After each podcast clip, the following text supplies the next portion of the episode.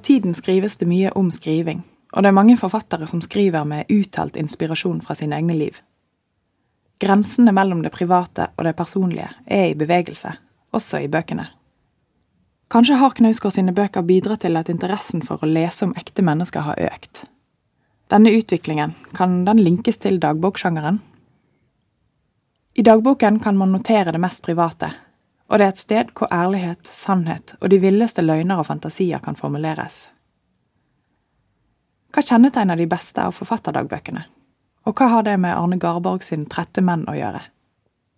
Margunn Vikingstad, som du nå skal få høre, er oversetter, og hun er kritiker i Morgenbladet.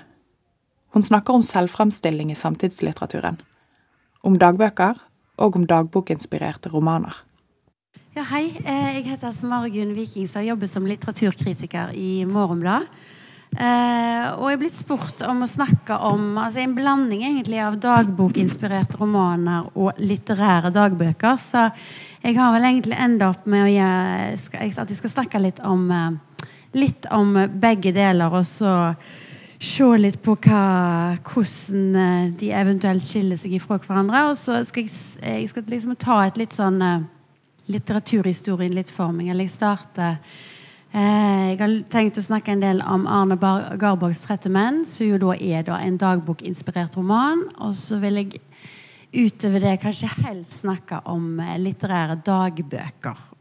Og så prøve å se litt på hvordan de eventuelt sier noe om eh, vår samtid, eller den tida de ble skrevet i. Men altså eh, Dagbøker har egentlig alltid for meg vært hefta med noe litt sånn nevrotisk. Eh, nevrotisk i den forstand at jeg sjøl aldri klarte å skrive dagbøker. Eh, enten følte jeg at jeg ble altfor ærlig, at eh, det jeg skrev, var skikkelig sånn eh, pinlig. Og tenk om noen kom til å lese det. Eller jeg drev og flikka og forskjønna på, på, sannheten. Og det var nesten like pinlig å ta seg sjøl i å gjøre det. Så dermed så er det egentlig sånn dagbøker for meg knytta til litt sånn, noe litt sånn skamfullt. Eh, litt sånn skammens bok. Og så har jeg liksom en sånn, litt sånn klassisk sånn, uh, fordom mot det at, at, dagbøkene de produserer, eller de avler, eller de uh, legger til rette for, uh, for en sånn type sånn selvsentrering som kanskje ikke alltid er like, like sunn eller fornuftig. men altså liksom i kombinasjon av dette her og min egen sånn hang til å flikke på på, på, sannheten så har jeg egentlig tenkt at dagbøker er at de har noe sånn komisk ved seg. altså Både noe nevrotisk og så har de noe sånn komisk. I den forstand at, eh, at, de, eh, ja, at de har potensial til å være morsomme da, i, i det at en, eh, en går inn i seg sjøl, blir veldig sånn sjølsentrert og, og, og, på et eller annet vis tar for seg noen sånne litt sånn skammelige sider ved, ved, ved, ens eget liv, som ofte legger til grunn for en, en god humor, spør du meg. Eh, altså den franske adelsmannen, filosofen og forfatteren eh, eh Montaigne, som levde altså på 1500-tallet, han eh, innleier essayene sine med et forord der han erklærer å ha skrevet ei eh, skikkelig sånn oppriktig bok som skiller seg fra alle andre bøker, siden den utelukkende handler om han sjøl. Eh, det ble skrevet på 1500-tallet. Eh, altså dette var i 1580. Og i dag høres ikke eh, det kanskje så veldig sånn merkelig ut. Å skrive om seg sjøl eller skrive sitt liv, som, som det heter blant Kristiania-bohemen, er kanskje blitt mer en litterær norm eller trend. Eh, Montaigne han avslutter likevel altså litt sånn der sjølkritisk forordet sitt på en måte som kanskje få forfattere i dag vil komme til å gjøre. Sitat. Kjære leser. Denne boken handler altså om meg selv, og det er ingen grunn til at du skal kaste bort tiden på et så lettsindig og intetsigende emne. Derfor farvel. Eh, slik så så, poengterer Montaigne at eh, memoarlitteratur, essayskriving, den litterære dagboka, den personlige refleksjonen ikke bare trenger å være sjølsentrert eller eventuelt pinlig, men nå, eller kanskje aller helst, at det fins en sånn type sjølkritisk impuls og, og, en plass for ironiske eh, refleksjoner. Eh, og slik så har egentlig Montaigne vært med på også, å til dels kurere min litt sånn lette aversjon mot dagbøker. Eh, men i dag så skal jeg altså snakke om litterære dagbøker og eh, dagbokinspirerte romaner. Jeg tenker Det ofte kan være et litt sånn godt utgangspunkt å eh, snakke om noe som en ikke sånn umiddelbart elsker. Eh, eh, men altså, det fins jo overraskende mange gode litterære dagbøker. Eller iallfall de, de som, som fins og er gode, de er til dels altså de, de, de er desto eh, altså de, er skikkelig gode, tenker jeg. Eh, og da er det bare til å eh, starte med å tenke på Olav H. Hauge sine dagbøker. Eh, så ble altså fem tjukke verk som kom ut eh, i 2000 på Samlaget. Og som liksom både klarer eh, Der Olav og Hauge klarer å si noe om sin egen diktning. Eh, om de gjendiktningene som han gjorde en del av. Og eh, om hele den litteraturen, så, altså den verdenslitteraturen som var viktig for han som, eh, som forfatter. Eh, og det er nok en sånn type litterær dagbok som ligger mitt hjerte nærest. altså Den type dagbøker. Så ikke minst det der, å få lov til å eh, vite noe mer om en forfatters eh, egne preferanser. En forfatter som en sjøl setter veldig stor pris på. Så det er, så Når en først har sånne ting, så skjønner en jo at eh, den litterære dagboka absolutt har sin plass i samtidslitteraturen. Et annet ganske sånn eh, enestående verk i skandinavisk litteraturhistorie, eh, men allikevel ganske annerledes, er den svenske dramatikeren og regissøren eh, Lars Noréns 'En dramatikers dagbok', som kom ut i 2008. Eh, og der altså Norén, der skriver Norén på nesten opp til nesten 2000 sider. Unummererte er alle sine, for å gjøre det litt sånn vanskelig for å kunne lete fram i det, i det materialet kanskje som ligger der. Eh, der skriver han altså hverdagen sin. Og får med seg alt. Altså Det er møter, og det er måltider, og det er sykdommer, og det er minner, og det er humørsvingninger, og det er samleier spesielt, og kjærlighetsliv generelt. Og det er ganske mye eh, type eh, Mye mer sånn snuskete informasjon enn det en finner i, i Hauges dagbøker for å si det helt enkelt. Eh, men sjøl så har han jo da en, en viss sånn altså eh, kritisk impuls i, i, i, dette her. Han ser liksom hva materialet han holder på med. Så det er notert altså den 27. februar 2002 så står det Skal jeg publisere det her?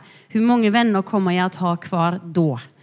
Eh, og det er altså Samtidig så er det Jeg må jo innrømme at det er en sånn type sånn type dagbok appellerer til meg. Jeg er, altså, bare for å være enkelt ærlig, jeg jeg synes jeg er, jeg er interessert i sladder. Og, og mener liksom at sladder har eh, Det sier noe om oss mennesker. Alt det, vi liksom, alt det vi får til, og alt det vi eventuelt ikke får til, helst i, i den sladderverdenen. Men, men klart, altså, disse to dagbøkene skiller seg jo Eh, ganske sånn eh, markant ut på, på, på, mange måter. Og hvis jeg liksom måtte velge mellom de to, så er det jo liksom ingen tvil om at eh, at Hauge blir stående, stående som den, den, tyngste og mest interessante, uten at jeg liksom skal gjøre meg eh, finere enn det jeg er. Sladder, altså. Det er, det er gode greier for å, å, å vite noe om mennesket.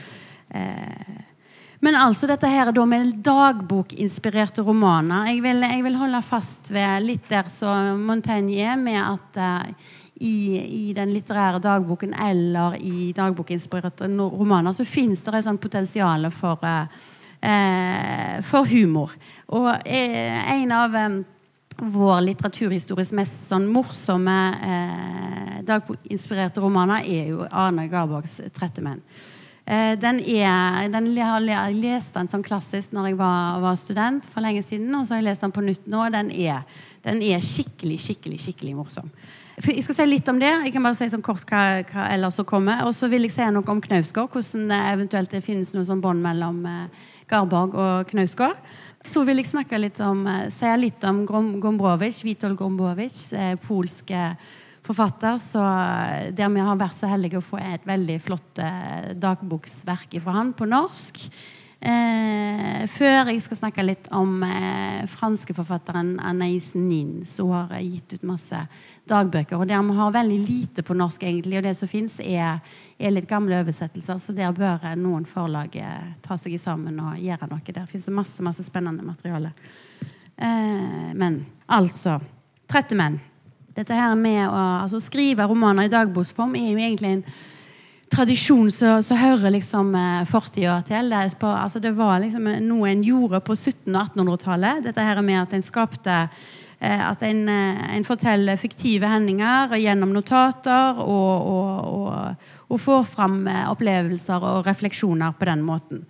Eh, I tillegg til, til brevromanen nå, som var veldig sånn, populær. Eh, og så fikk en liksom, har en fått en liten sånn eh, oppsving, men altså, den som da merker seg ut, syns jeg helt sånn klart er 'Trettemenn', som var da en del av eh, del av Garborgs eh, eh, romanproduksjoner. Men så skiller seg jo markant ut i, i stil og i tematikk og i, i holdning den er jo liksom, Først og fremst så fins det en veldig veldig sånn klassisk og god ironi og galgenhumor den, hos denne her hovedpersonen, som heter altså Gabriel Gram. Eh, sitat, bare for å gi et lite sånn innblikk i hvordan han eh, tenker og, og ja, reflekterer. Jeg undres ofte på hva der, mest, der er mest verd, en elegant damefot eller en alvorlig livsanskuelse. Så altså denne Gabriel Gram han sliter veldig med å finne ut hvor, liksom, hvor verdiene i, eh, i, hans liv skal være. Altså om det er mellom den elegante damefoten eller den alvorlige livsanskuelsen. Romanen er altså en sånn rekke sånn tilsynelatende usammenhengende og monologiske og dialogiske dagboksnotat. Eh, som ofte tar for seg en verdi, da, enten det er kjærlighet, eller det er ekteskap, eller det er vennskap. Og så bare tar han og så og så eh, krakeleres alt. Det fins liksom ingenting igjen. Romanen kom ut i 1891 og ble skrevet i en periode eh, som flere sånn Garborg-biografer har karakterisert som, som Garborgs eh, Nietzsche-periode. Så det er helt sånn tydelig at 'Trette menn' er liksom en sånn uttrykk for at om ikke skal liksom psykoanalysere Garborg, men at han hadde en, en, form for om ikke krise, så iallfall han var gjennom noen sånne refleksjoner så, så en ikke finner i andre bøker eh, av, av, Garborg på samme måte. Eh, og sånn skriver han seg da inn i en eh, litteraturhistorisk periode, dekadansen på slutten av 1800-tallet, der det hovedsakelig var mest eh, franske forfattere som skrev, og der de skildra en sånn type lede eller splin eller ennui på fransk. Så, for, for, uh, så, så, så, ble det en sånn type sånn speiling av den samtida, så, så, de følte omslutta de. Og bare sånn For å trekke det fram til dagens samtidslitteratur altså Franske Michel Houellebecq han skriver jo si, den siste romanen hans, 'Underkastelse', der han skildrer eh, et Frankrike der, eh, der, det ser ut som et muslimsk eh, politisk parti kommer til å ta over. Han, han spiller jo bevisst på hele denne litteraturen, bl.a. med en som heter Carl Joris Husmanns. Som var liksom en av de viktige dekadanseforfatterne på 1800-tallet. Så O. Garborg forholdt seg til når han skrev 'Trettemenn'. Så, så, du kan liksom se for altså Det, det fins noen sånne linker mellom 1890-tallet og 2015 på et eller annet vis, kanskje. Men altså, det, det prinsipielle spørsmålet i, i Trettemenn er eh, hvordan en skal leve uten verdier. Altså Når en da står og vakler mellom den elegante damefoten eller den alvorlige livsanskuelsen, så er det tydelig at en ikke helt vet hvor ståstedet er. Eh, romanen er en sånn eh, grunnleggende altså en skildring av grunnleggende tapserfaringer. Og sånn sett så tenker jeg at Den taler jo til vår samtid på ulike vis. Kanskje ikke akkurat sånt, altså I utgangspunktet så var jo religion den store tapserfaringen i, i hele den dekadanselitteraturen. Mens eh, mens kanskje ikke det er vår eh, det en opplever vår samtid. Kanskje heller mer at det finnes noen bevegelser tilbake til religionen. Men, men allikevel at den, den, den, sier noe om Eller den kan gi noen sånn speilinger av, av eh, hvordan vi prøver å finne ut av, av våre liv. Og altså han, Gabriel Gram han, han finner ikke lenger altså mening i tilværelsen. Han tror ikke på framsteg, han tror ikke på tankene i tida, han tror ikke på Gud, han tror ikke på kjærligheten. Men han lengter likevel resignert etter den. Eh, eller som han sjøl formulerer det, sitat Hvis det enda hadde vært en riktig kjærlighet, men det er det latterlige og umulig i min ulykke at jeg elsker det ikke engang. Og altså Som, som dagboksroman eh, er 'Trettemenn' en jeg-roman. Jeg der synsvinkelen er liksom gjennomført eh, dekadent og ironisk, og at alle verdier i verket blir formidla av et menneske som nettopp ikke tror på de verdiene han prøver liksom å, å stable på beina. Eh, og så er det eh, altså Hele den ironiske distansen i, i, i dette her verket er, er, vanskelig å liksom skjønne helt. For altså, du har Garborg på ene sida og så har du Gabriel Gram på andre sida. Og begge kjemper mest om plassen om å være, om å være ironikere, begge to. Eh, og slik så oppstår det en voldsom sånn avstand da, til, til, verden, til virkeligheten og til den kjærligheten så Gabriel Gram på mange måter lengter etter og vil ha. Men han klarer liksom ikke helt å velge mellom om det skal være liksom den Uh, Om det skal være den prostituerte, om det skal være den litt sånn uh, kjedelige ekte, ekteskapelige, eller om det skal være liksom en, eh, en som han bare kan uh, finne, ja, finne, trygghet i. Men altså der, den type avstand til, til, virkeligheten, at en ikke helt klarer å koble seg på virkeligheten, det er kanskje noe så som ikke er helt ulikt det en, eh, en, kan lese i 'Min kamp' av, eh, av Karl Ove Knausgård. Hvordan han hele tida problematiserer dette her med hvor skal han stå. Liksom. Skal, han liksom være, skal han være familiefar, skal han være familiemann, skal han drive med de bleieskiftene sine, eller skal, er, det i, i, litteraturen der det er ekte og det beste og det, det livet han egentlig vil ha? Hmm. For eksempel så høres det sånt ut i Min kamp, bind seks. I det daglige var jeg fullt av en slags lede. Fullt mulig å holde ut, aldri truende eller destruktiv på noe vis. Mest av alt en skygge som lå over livet, hvis ytterste konsekvens var en slags passiv dødslengsel. Så altså ikke så, ikke så mørkt så det er ikke, ikke eh, gram, for han, eh, han, eh, han Der er det mørkt, mørkt, og samtidig veldig morsomt.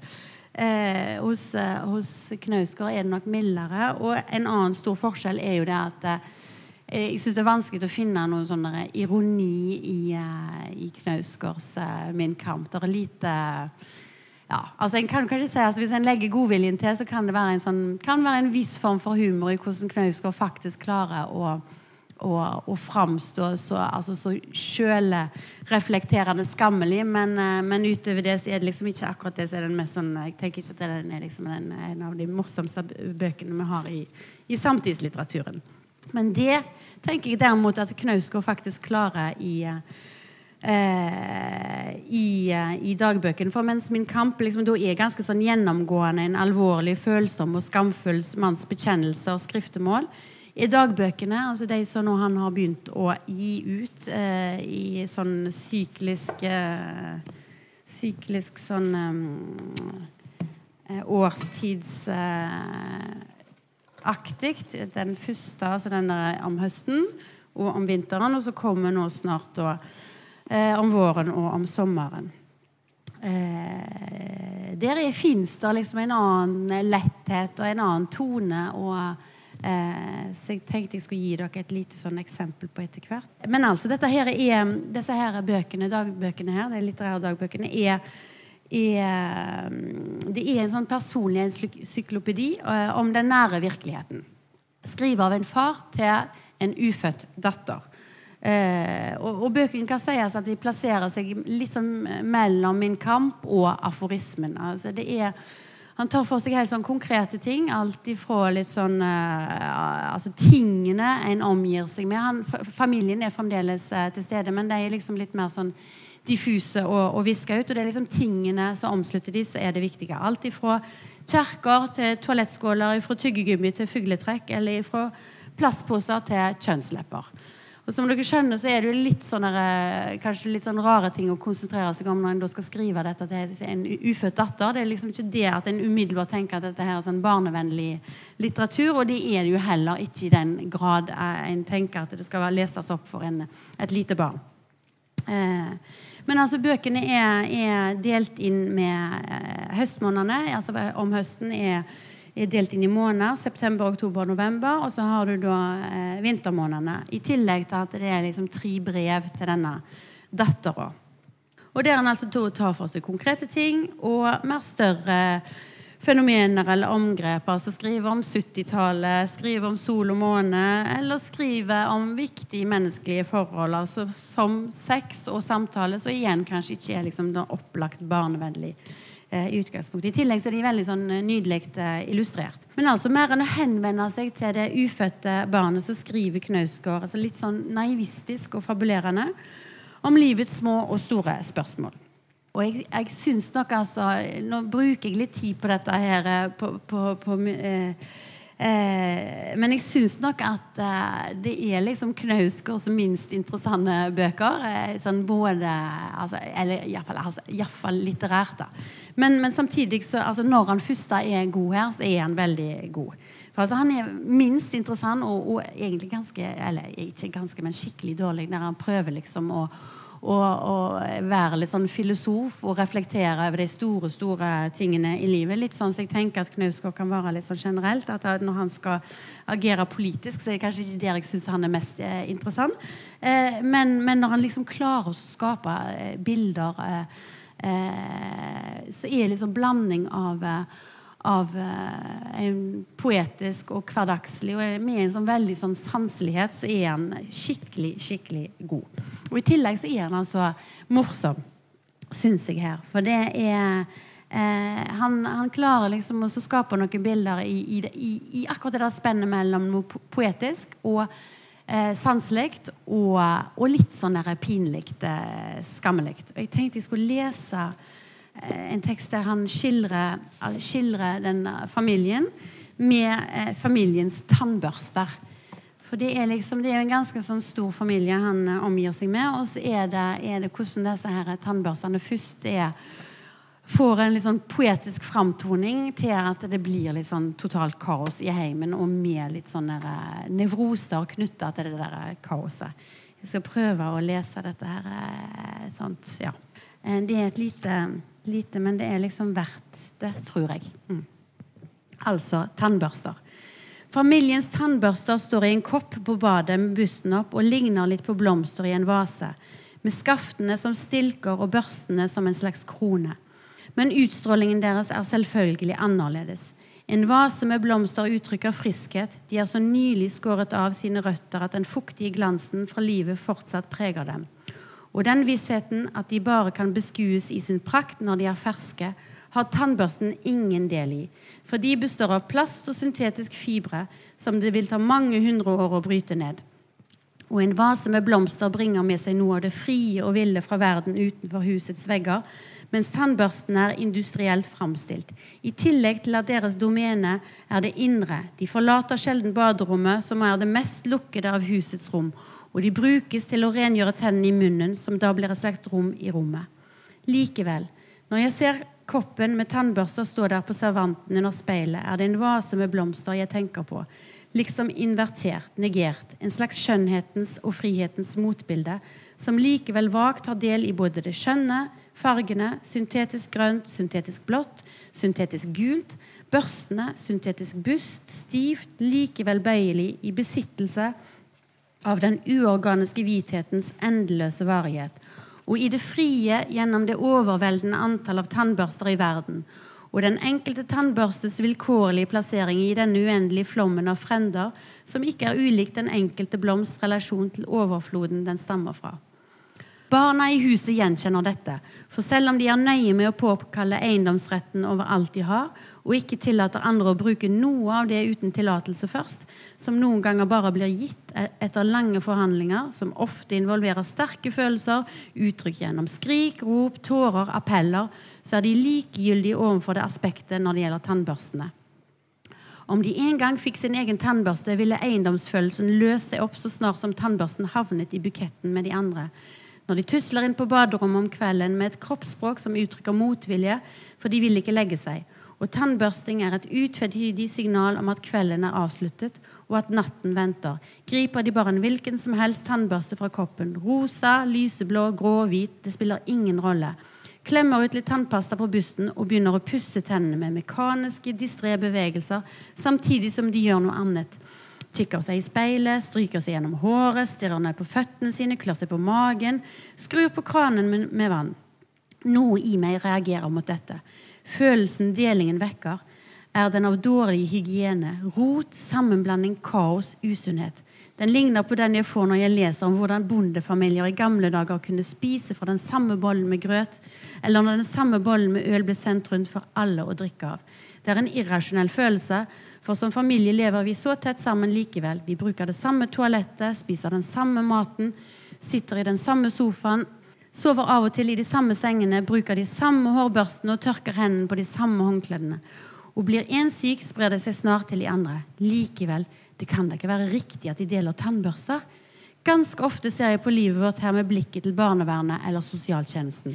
Er det ikke altfor rotete? Er det ikke for lenge siden vi har skiftet sengetøy? Hvor lenge er det siden vi har badet, egentlig? Og hvor mye skade påførte jeg dem sist jeg var så rasende at jeg ropte av mine lungers fulle kraft, tok et tak om nakken på en av dem og skjøv henne framfor meg inn i rommet. Jeg tenker meg ganske ofte en representant for en av disse myndighetene står ved siden av meg og noterer det som skjer. Med rødt blekk i notatboken står det Fett hår, skitne negler. En av dem svært sint for svært lite. Ukontrollert. En annen taus, mutt, ikke-kommunikativ. Og de deler tannbørster. Fosterhjemsplasserer. Da jeg vokste opp, hadde vi hver vår tannbørste. Det var aldri noen tvil om hvilken det var, og fullstendig utenkelig å bruke en annen. Vi hadde også faste badedager, de sto på en lapp på veggen, og så vidt jeg husker, var, vi, var mine mandag og torsdag. Tannbørstene syntes jeg dels lignet fire tenåringsjenter som hang utenfor bensinstasjonen, dels fire hester som sto og kikket over et gjerde. Det var først og fremst forbundet med plikt, kanskje mer enn noe annet, for hva annet ulystbetont måtte man gjøre to ganger om dagen gjennom hele livet. Etter hvert ble tannbørsten også forbundet med løgn. Den første gangen jeg bevisst løy for min far, jeg husker det som om det var i går, fordi det var så uhørt, var en vinter jeg var ti. Jeg satt på stolen i kjøkkenet mens han laget mat, og han spurte meg om jeg hadde pusset tennene i dag, og jeg svarte etter noen sekunders tenkepause jeg husker ikke. Jeg husket jo, jeg hadde ikke pusset tennene, så det var en løgn. Han sa at jeg fikk gjøre det en gang til, da, for å være på den sikre siden. Jeg gjorde det, men hadde oppdaget noe. Visse ting går det an å lyve om uten risiko for å bli oppdaget. Fra da av kunne jeg si at jeg hadde pusset og fra da av har jeg forbundet det å ikke pusse tennene med frihet. Det er selvfølgelig derfor tennene mine er så misfargede og gule, og derfor jeg aldri viser dem lenger, men alltid smiler med lukkede lepper, ja, til og med noen ganger holder hånden foran munnen når jeg ler. Altså Den evnen liksom til å ja, gå tett på og klare liksom å skildre noe så ja, så sanselig, så følsomt, så poetisk og, og så pinlig så det på sine måter er. jeg synes jeg liksom, de, de, de, de få um, de, tekstene som lyser ut i, i disse her litterære dagbøkene, er, er akkurat der. Der han liksom unngår litt de der store, pompøse tankene som ikke henger helt i hop, og heller ikke rører meg noe særlig. Men akkurat i sånne biter. Og, og vise litt eh, hvordan noen skal rett og slett da bruker liksom, den litterære dagbokens eh, komiske potensial. Eh, og i tillegg, altså noen av de andre, andre tekstene som er eh, veldig gode og fine her, er jo der han han ligner kanskje litt på Montaigne i det å, å, å, å problematisere hvordan det er å, skrive. Blant annet er det en tekst i, om høsten som heter 'Råfuglen', der han sitter og, og sliter litt med å, komme i gang. Og så plutselig så ser en en, en fugl ut forbi vinduet, og så, og så spinner teksten eh, av gårde. Men altså det jeg syns liksom er, er, noe av det som gjør at jeg tenker at uh, Knausgård er først og fremst altså Han er forfatteren av 'Min kamp', og så er han kanskje aller helst forfatteren av, uh, av 'En tid for all', som er min uh, favoritt i det forfatterskapet, der han er liksom ren, ren, ren fiksjonsforfatter. Eh, men så gjør at han ikke fungerer som en litterær dagboksforfatter i en sånn type sånn altså Noen plasser fins den sjølkritiske impulsen, men ikke gjennomgående. Så de gjør det da f.eks. hos Montaigne og eh, hos, i Garborgs Trettemenn. Og som òg fins i, eh, i en som jeg har lyst til å snakke litt om nå, så er altså da den polske Witold Gombrowicz.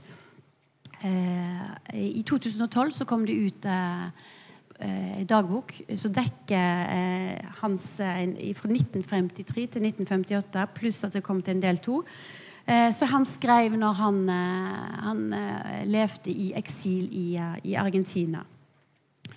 Omsett av ei heter Agnes Banak. En veldig flott bok, så det er verdt å, å, å, å se på og lese.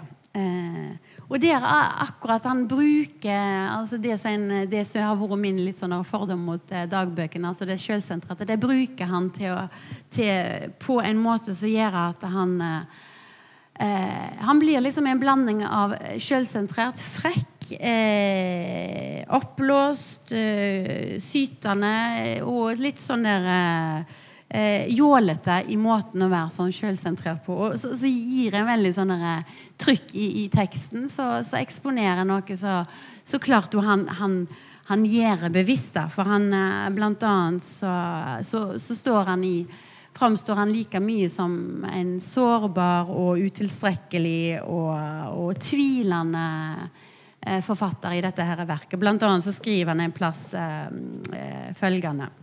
I denne dagboken vil jeg åpenlyst gå i gang med å konstruere meg et talent.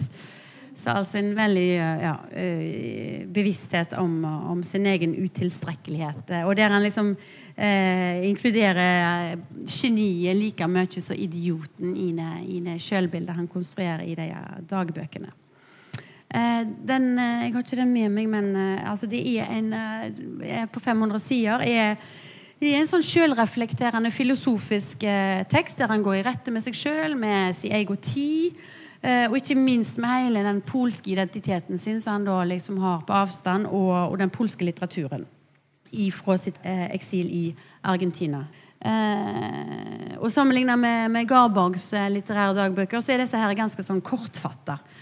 Eh, i, men i motsetning til Garborgs eh, dagbøker så er de da altså ganske sånn eh, fullt av seg sjøl og ganske sånn eh, jålete på sine måter. Eh, men akkurat eh, det som knytter de sammen, er jo akkurat hvordan de begge på ulike måter klarer liksom å trekke inn verden i, i sine refleksjoner. Og så Hauge på sin ydmyke måte med å eh, sette seg sjøl mer i parentes, og der, eh, der eh, litteraturen, den litteraturen han sjøl er opptatt av, er, er, er, viktig. Men samtidig byr jo på seg sjøl i, i, i, i skildre hvordan hans eh, eh, mørke sider eh, og oppholdet på Valen sykehus blir kobla til, til, diktning, som gir en sånn unik inngang til, til forfatterskap som en ikke ville kunne fått på, på, på annen måte.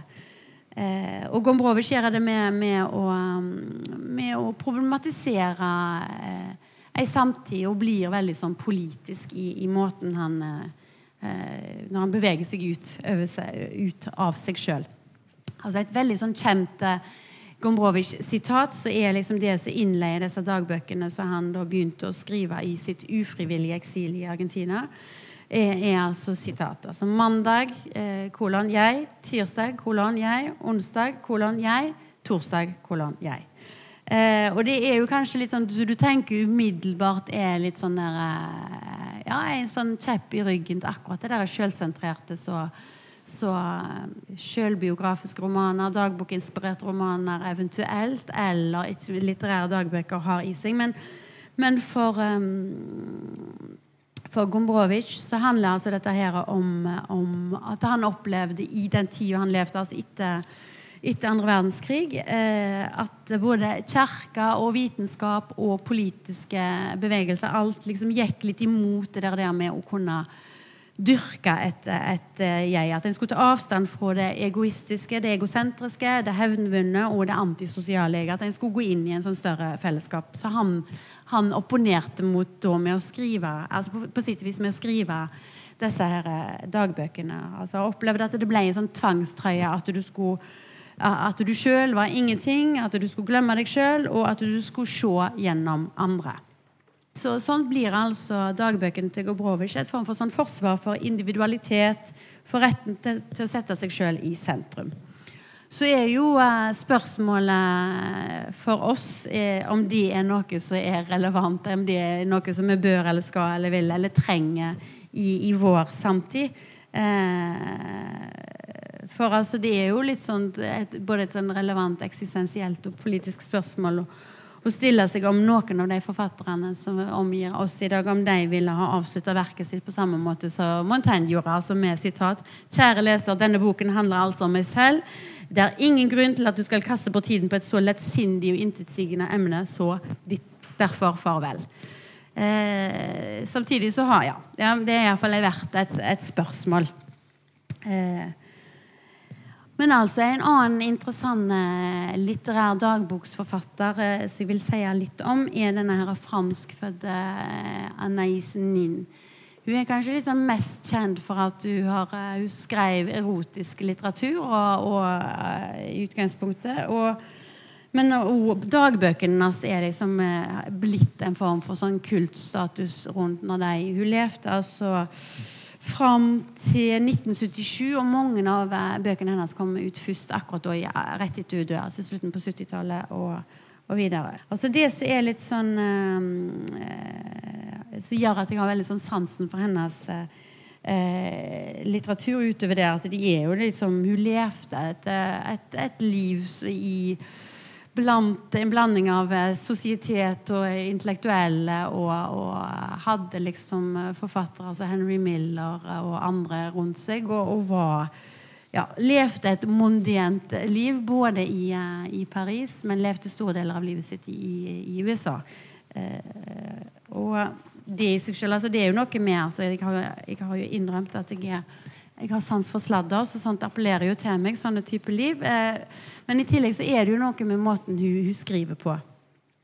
Altså For de er liksom tydelig, de tydelig litterære. altså De er veldig sånn poetiske og samtidig direkte. Og så er hun eh, veldig sånn ublu i måten å, å skildre seg sjøl på. At hun, hun, driver liksom ikke pynter på, på fasaden i det hele tatt. Og, og blir jo en altså skrev jo dagbøker helt altså, i, i, løpet av 60 år. Så dette her er jo fra, fra mm, ja, 20-30-tallet og fram til, til, sin død. Så hun skriver jo i en periode der det ikke er, er kutyme i det hele tatt. Og det å være kvinne i en sånn sammenheng, og ikke minst det at hun var kvinne i en ganske sånn mannsdominert uh, sammenheng, gjorde jo at, at mange uh, forskere i ettertid har liksom plassert henne i et sånn feministisk perspektiv. Så hun tydeligvis sjøl liksom tok sterk avstand fra at hun ville ikke være en del av, av, av det sånt uh, bevisst. Uh, for altså Det er noe med altså, hvor, hvor, dristig hun er, og hvor lite sånn innsmigrende hun er i å blottlegge sitt, sitt eget indre, sine spontane reaksjoner på andre mennesker, på være rundt. Og slik så framstår liksom eh, dagbøkene som, som ganske sånn rå og, og, og, samtidig ganske sånn poetiske i den forstand at de kan ligne mer romaner enn dagbøker når, når du leser de. Altså her har jeg tatt, De, ser, de har sånn fin sånn de, de, ser sånn ut, så de har liksom en litt sånn nostalgisk 70-tallseim over seg. Dette her som fins uh, tilgjengelig, blant bl.a. noe av det der. Så, så dere sikkert har på biblioteket her òg. For altså, Anna Iselin hun kjente, kjente liksom mange eh, viktige og mange viktige menn eh, i stor grad. altså Alt fra forfattere, kunstnere og psykoanalytikere. Eh, og ved å gi liksom sitt bilde av alle disse her som hun, hun hadde rundt seg, så, så, klarer hun liksom å gi et litt sånn interessant motbilde på en, sånn, manns, mannsdominert verden. Og sånn sett så, så ligner de jo på, på, på Gombrowicz-bøker i måten at de blir litt sånn historiske, litteraturhistoriske dokument eh, over ei samtid. I og med at de jo strekker seg over så, så mange tiår som disse, her, disse her dagbøkene gjør.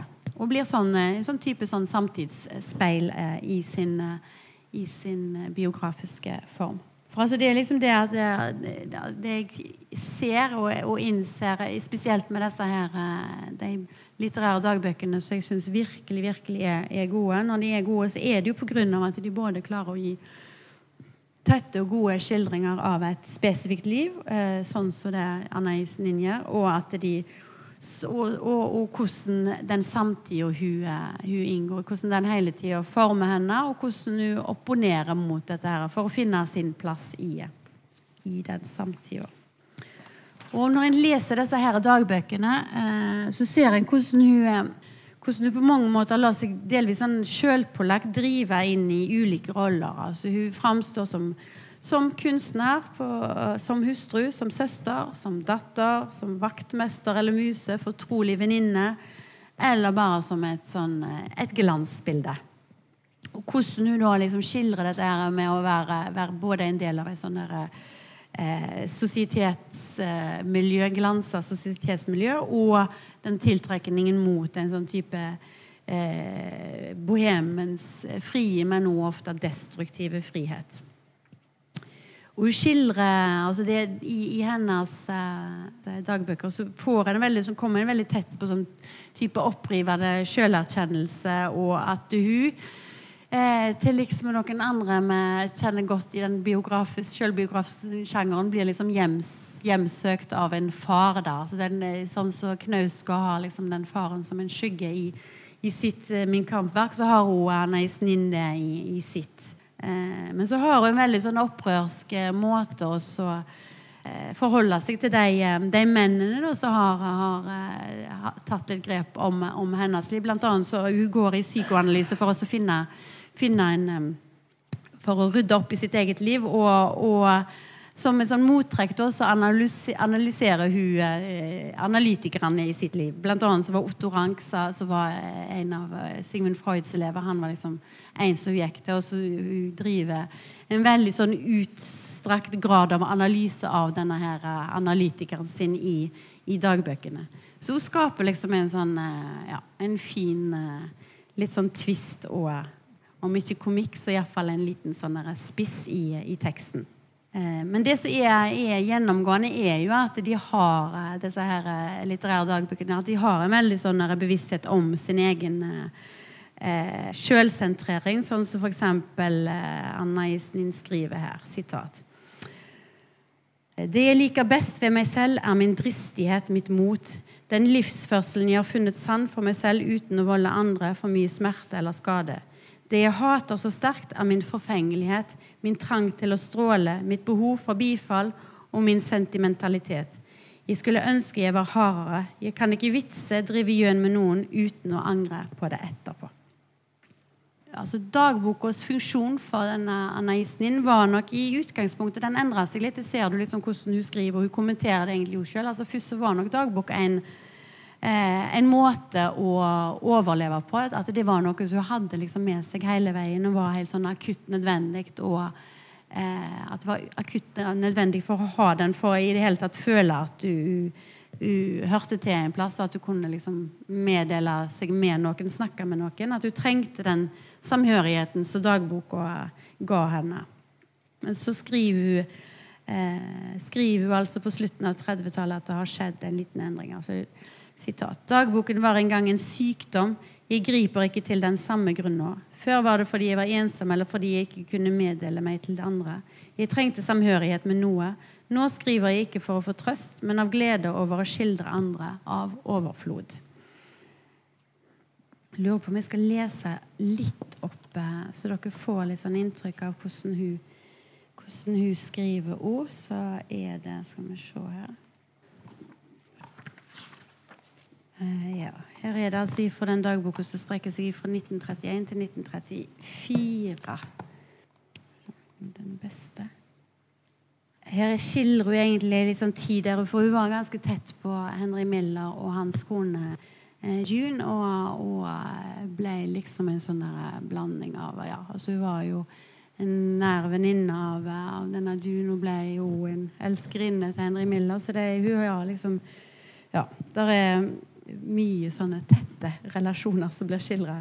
Men her er det liksom litt mer som hvordan hun reflekterer over Eller bruker dagboksromanen til å reflektere over Og blir litt sånn eksistensiell på den gode måten, og ikke den litt sånn eh, fluffy, plaprete måten som jeg syns at Knausgård blir i, i sine dagbøker. Sitater. Helvete er forskjellig for hvert menneske, eller hvert menneske har sitt eget helvete. Min nedstigning til inferno er, en nedstigning til tilværelsens irrasjonelle plan, der instinkter og blinde følelser slipper løs, der man kunne leve etter sine innskytelser, sin fantasi og følgelig den rene galskap. Nei, det er ikke det som er inferno. Så lenge jeg befinner meg der, er jeg like uviten om elendigheten som en full mann. Eller rettere sagt, min elendighet er en stor glede. Det er når jeg blir bevisst igjen, at jeg føler usigelig smerte. Så er liksom, det er veldig sånn eh, Ja, det er veldig god prosa, da. Og så er det eh, innholdsmessig det, ja, en blanding av, av, av eksistensielt og, og, og, historisk interessant, og, og, politisk i at, eh, at, du er en kvinne som skriver i ei tid så og med omgitt av disse her sterke mennene. Som gjør at eh, det appellerer sterkt til meg. Og jeg håper at det er noen av dere der ute tenker at det er verdt å se på. Altså litt sånn eh, For Garborgs bruk av den dagbok-inspirerte romanen er jo en bevisst bruk i den forstand at han gir et bilde av et, eh, et, et eh, sjelsliv i litt sånn i fri flyt, og at og hvordan, og hvordan dagboksformen blir en speiling av det å fortape seg i drømmer, i det irrasjonelle og en et misforhold mellom et sjelsliv og virkeligheten. At, at han, men, men, men er jo helt sånn tydelig hvordan dagboka blir, blir, både sånn eksistensiell og politisk eh, i måten eh, Garborg bruker det på, og i den, i den doble ironien.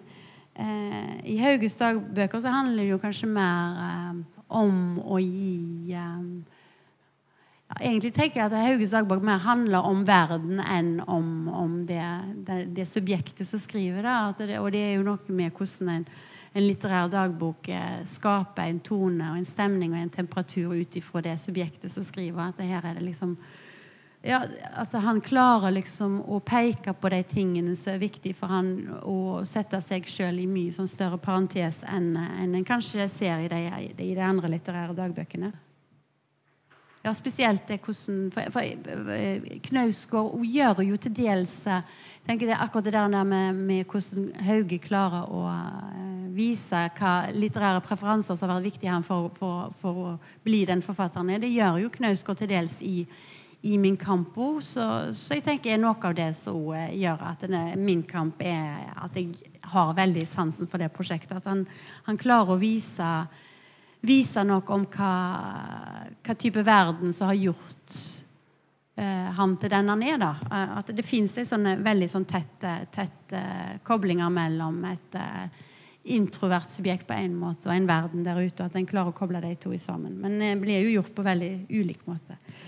Og det er altså eh, Både Gombrovic og Ninn viser hvordan den er. altså Hvordan dagboka er er, er, noe større enn det å, å, fortelle sitt liv. Så for så vidt òg altså, Kristiania og Bohemen var bevisst på når de, når de hadde det, det, det slogan som de brukte, at det å er du personlig nok, så, så, klarer du å strekke deg utover det. Men altså, det er jo samtidig Jeg, jeg lurer jo litt på hvor, uh, hvor mye plass det skal være til sånn type sjølrefleksjoner. Altså, det er et eller annet med at det sier noe eh, om ei tid og om, om ei samtid. Og, og sånn som så Anna Isnin sier jo liksom at hun, ja, ja, hun skrev dagbok, og at det var som en sykdom. Da, at, at det er et eller annet inn, verdt å, å, reflektere over der eh, eh, i forhold til forhold til ja, hva type litteratur som blir skrevet, uten at en liksom nødvendigvis skal, skal etterlyse noe sånn politisk eh, sånn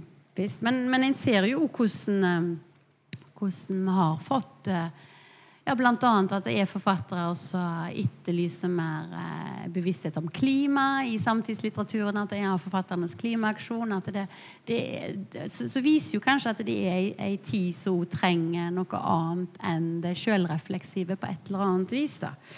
Eh, så. Men så tror jeg nok òg at eh, akkurat det som Anais Nin sjøl helt sånn konkret eh, skriver i en av dagbøkene. altså sitat, eh, Et dypt levet personlig liv vil alltid vie seg ut til sannheter utover seg selv. Eh, og det er nok alle disse her eh, litterære dagbøkene eksempler på.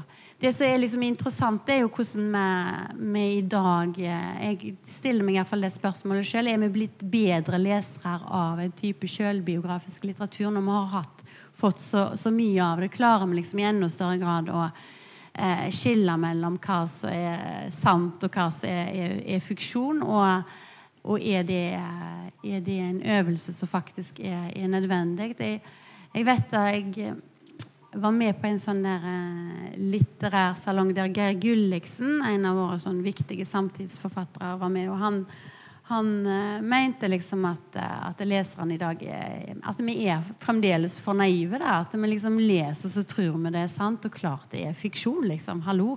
Og det, det er kanskje noe i det.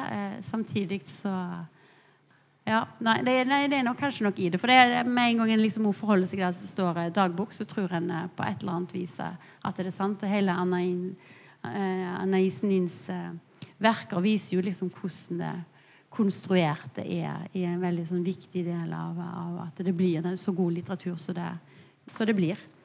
Men altså, jeg tror nok konklusjonen min er at eh, at jeg på et eller annet vis nok er blitt kurert mot min sånne aversjon mot dagbøker. At jeg ser liksom det når en først leser skikkelig skikkelig gode litterære dagbøker, så, så har de uh, har de ekstremt mye i. Enten med at en får et innblikk i et viktig forfatterskap og, og, hvordan det fungerer, eller at det klarer å si noe sånn viktig om den tida vi lever i, nettopp pga. at det er så tett på et spesifikt eh, individ. Det var egentlig det jeg hadde tenkt å si.